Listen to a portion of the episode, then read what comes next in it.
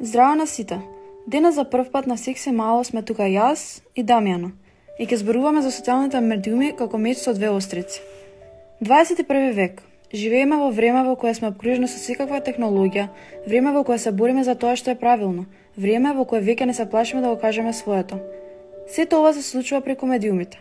Медиумите се станати огромен дел од нашиот живот, можам да кажеме неизбежен. Сегашните, а и идните генерации се толку под влијание на социјалните мрежи, што не може да се гледа како добро или лошо нешто, тоа е всушност меч со две острици. Од една страна, социјалните медиуми се совршена платформа за правење на промена, за подобрување на општеството, место на кое може да се искажеме и да бидеме слушнати и поддржани. Но не секогаш се е така розево. Со колку поддршка и да е преплавено, многу често знае со омраза, лутина, гнев, дискриминација и уште што не – Долго време луѓето расправаат една иста проблематика. Дали всушност социјалните медија имаат позитивен или негативен ефект на нас? Кратко и јасно кажано, социјалните медиуми се она што го создаваме ние самите. Како и многу други работи во животот, и онлайн и офлайн, го добиваме тоа што го даваме. Се си има своји позитивни и негативни страни, но ние бираме кон кој и кон што се стремиме. А зошто пак се добри социјалните медиуми? Дали имаме ние некаква придобив код нив? Да, дефинитивно. Никогаш несвесно се информираме преку социјалните медиуми. Вести кои инако не би ги барале или слушнале на друго место, може со некој впечатлив наслов да ни излезат на Facebook или Instagram, да дознаеме нешто ново, нешто што е важно или пак едноставно ни е забавно. На социјалните медиуми секој е слободен да искаже свој став, а тоа може да ни даде друга перспектива на работите, па дури да направи да ги преспитаме нашите собствени видувања. Исто така, во време кога на сите животот ни тече во различни корита, Не секогаш имаме време да се сретнеме со оние кои ни се блиски, социјалните медиуми се одличен начин да се поврзаме со нив. Преку социјалната мрежа можеме да видиме што тие прават, да разговараме еден на еден со некого или пак во моментот да се слушнеме или видиме. Нормално не е исто како интеракција во живо, но за мајка во предвид дека интеракцијата во живо не е секогаш опција за сите, социјалната мрежа и медиуми се одличен начин да се остане во контакт со некого без да се биде во многу контакт. Еве ова на крај излеза многу корисно во време кога не смееме или не треба да имаме физички контакт со лица, како денес. Никогаш не било волку лесно како што е денес да се извести или повика на некаква социјална кауза или движење. Преку социјалните мрежи може да се направи многу, а никогаш некои движење едноставно имаат потреба од видливост.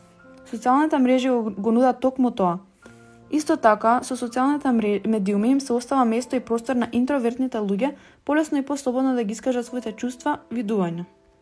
Социјалните медиуми и мрежи имаат многу позитивни и корисни аспекти, но нормално не може да се заборават и негативните, кои може би подолго време ќе останат во нашиот ум и ќе заземат огромно место. Од новинарите честопати се очекува да имаат за цел објективност и тие тврдат дека се обидуваат да ги покријат сите страни на проблемот без пристраност, во споредба со, да речеме, коментаторите или аналитичарите кои даваат своје мислење или лични гледишта. Како резултат на статиите се дадени факти на стерилен и некомуникативен начин, подпирајќи се на читателот да одлучи да ја реши вистината на проблемот.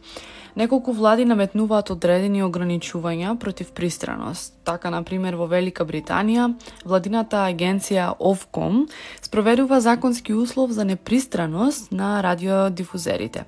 Многу еднопартиски влади работеле со државни новинарски организации кои може да ги представат ставовите на владата. Иако писателите на вестници секогаш тврдеа за вистината и објективноста, современите вредности на професионалното новинарство беа воспоставени тек на почетокот на 19 век и особено по Првата светска војна, кога групи како уредници на Американското здружение на вестници кодираа правила за непристрано известување за вести. Овие норми беа најзастапени во американското и британското новинарство и беа презирани од неколку други земји. Овие идеи денес пак станаа дел од практиката на новинарството ширум светот. Дори во оние ситуации, кога се очекува објективност, тешко е да се постигне, а индивидуалните новинари може да претрпат лична пристраност или да подлегнуваат на комерцијален или политички притисок. Слично на тоа, Објективно може да се доведе во прашање објективноста на новинарските организации, што се во собственост на конгломерираните корпорации со оглед на природниот поттик за ваквите групи да известуваат за вестите на начин наметнет за а, унапредување на финансиските интереси на конгломерат. Поединци и организации кои се предмет на извештаи за вести може да користат техники за управување со вести за да се обидат да направат поволен впечаток. Бидејќи секоја индивидуа има одредена гледна точка, се смета дека не може да има апсолутна објективност во известувањето за вести. Новинарите можат колективно да го пренесат своето мислење околу тоа што е полемика за дебата и за што е утврден факт, што е потврдено со хомогенизацијата во текот на 2000 години на вестите за климатските промени. Е сега, пример за ова во тековните настани се протестите во Америка што се одвиваат изминатите неколку недели. Вниманието на националните медиуми се префрли на протестите против полициската бруталност што се појави низ целата земја по смртта на Џорџ Флойд, црнец убиен од полицаец во Минеаполис. Таа бруталност и тие протести сепак не се ништо ново.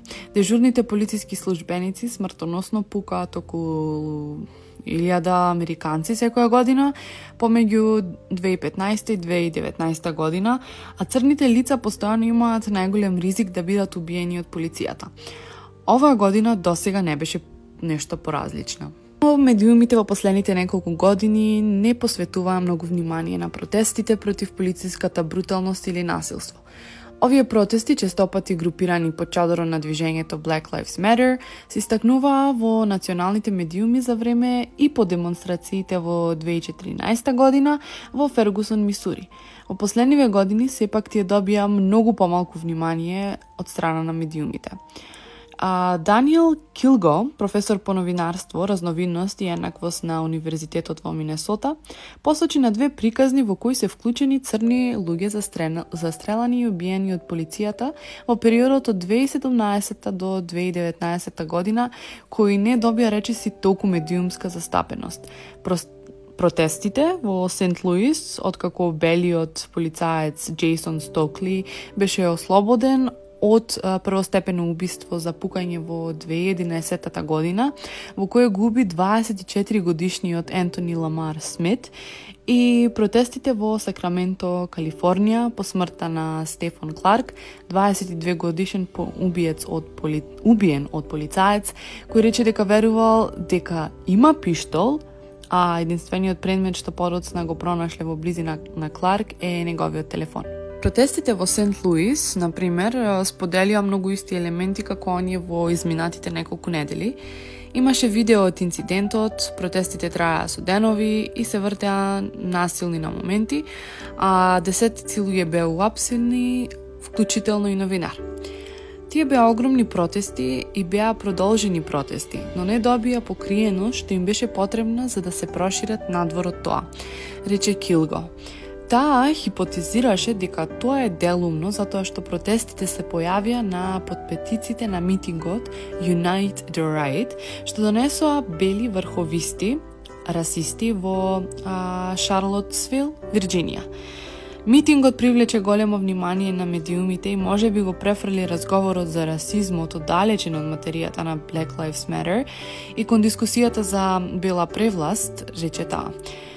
Килго исто така истакна дека приказната за играчите кои клекнуваат за време на националната химна на фудбалските игри добиваат многу покриеност во националниот печат околу времето на протестите на Сент Луис. Не е важно само за протестните движења да добијат медиумско покривање, во фокусот на ова известување исто така се прави разлика.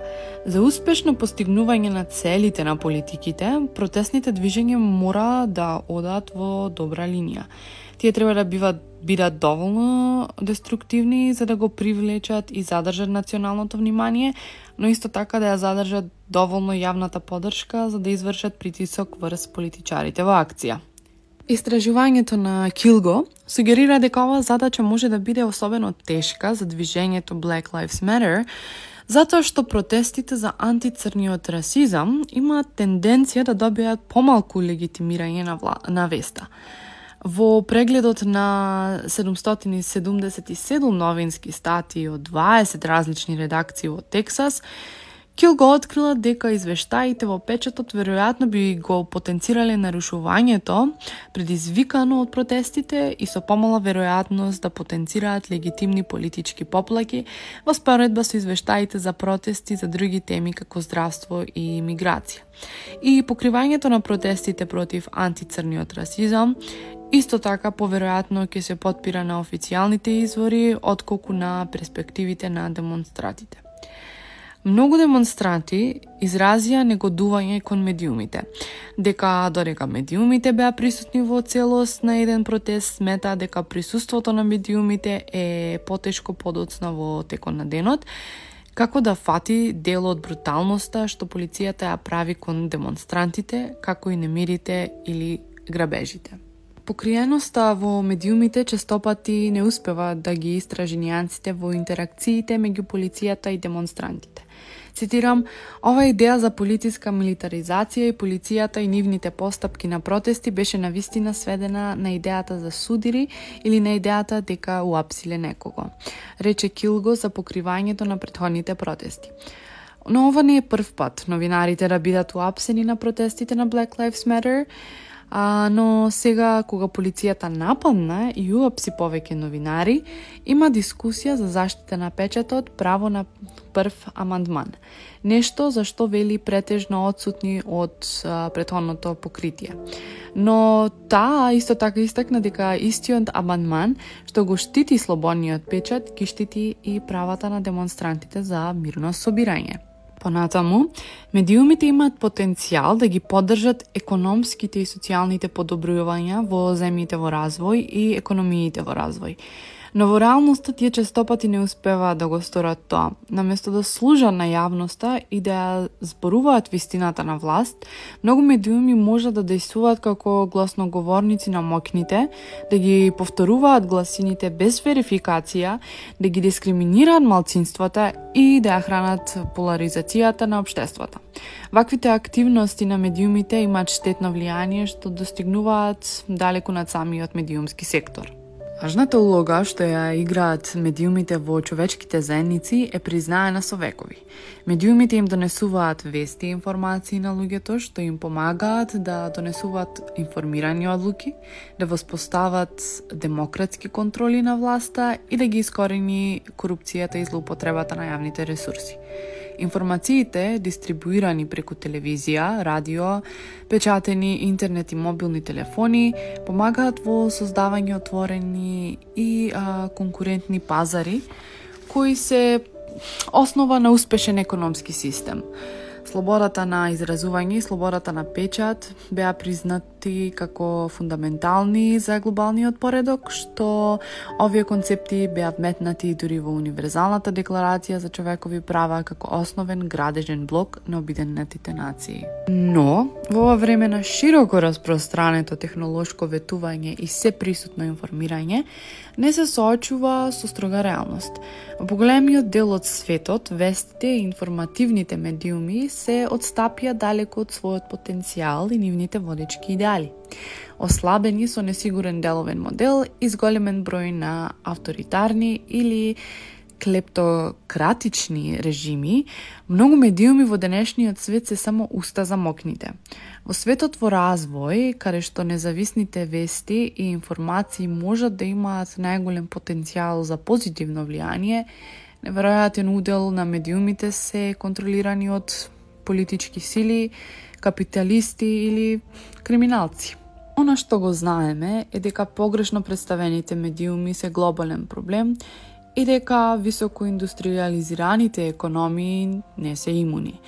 Но темната страна е најчесто суштество на лошото управување и економската манипулација, која напредува во кревки и постконфликтни обштества и под авторитарни, лационистички или корумпирани режими. Така, подлабокото разбирање на целокупното обкружување за управување со државите е клучно за анализа на нивните медиумски сектори, а многу од правните лекови може да престојуваат надвор од самиот медиумски сектор. Само колку од светските медиуми се вклопуваат во оваа категорија е исто така отворено прашање. И мерењето на сите димензии и напредокот на феноменот на темната страна ќе бара многу поамбициозен напор за прибирање на податоци од колку што е во тек. Постојните индекси за слобода на печатот и инструментите на ниво на секторот, како што се индексот за одржливост на медиумите, кои собираат перцепции за крос-кантри на теми како што се а, нивото на цензура, владино или комерцијално мешање или нивото на професионалност и етички практики од страна на медиумските фирми, укажуваат на тоа дека проблемот расте и се шири. Навоно на медиумскиот сектор, сложената, меѓусебно поврзана и систематска природа на дисфункција, бара испитување на димензиите на управување како што се мерат, Например, да речиме, преку светските индикатори за управување, кои исто така сугерираат рамни или пф, намалени просечни перформанси на глобална основа. Авторитарните, слабо управувани и слабите режими се богати основи за погрешно представување на настаните од медиумите. Државата, која честопати се чувствува загрозена и ослабена од брзото проширување на новите технологии на дигиталните медиуми, сепак создава голем дел од околината според која што работат медиумите од законите за слобода на изразување и закон за конкуренција до поставување на регулаторните услови за распределување на рес, распространетото спект и рекламирање финансирано од државата. Цензурата и меката цензура, тоа е манипулирање со медиумите преку владините буџети за рекламирање, може да има силно влијание врз медиумите кои се борат да најдат независни деловни модели. Во меѓувреме, дорека граѓаните ги користат социјалните медиуми да се организираат против злоупотреби на државата и моќ, државните органи ги користат истите технологии за да спроведат надзор врз граѓаните. Дури и во високоразвиените земји, медиумите може да бидат скоро целосно зафатени од интересите на приватниот сектор, чија нормално главна цел е да се здобијат со моќ и влијание. Некои земји, како што се Турција и Еквадор, се справија помеѓу приватното фаќање и државното заробување. Други, како што се многу земји од Југоисточна Европа, представуваат мешавина од двете пак.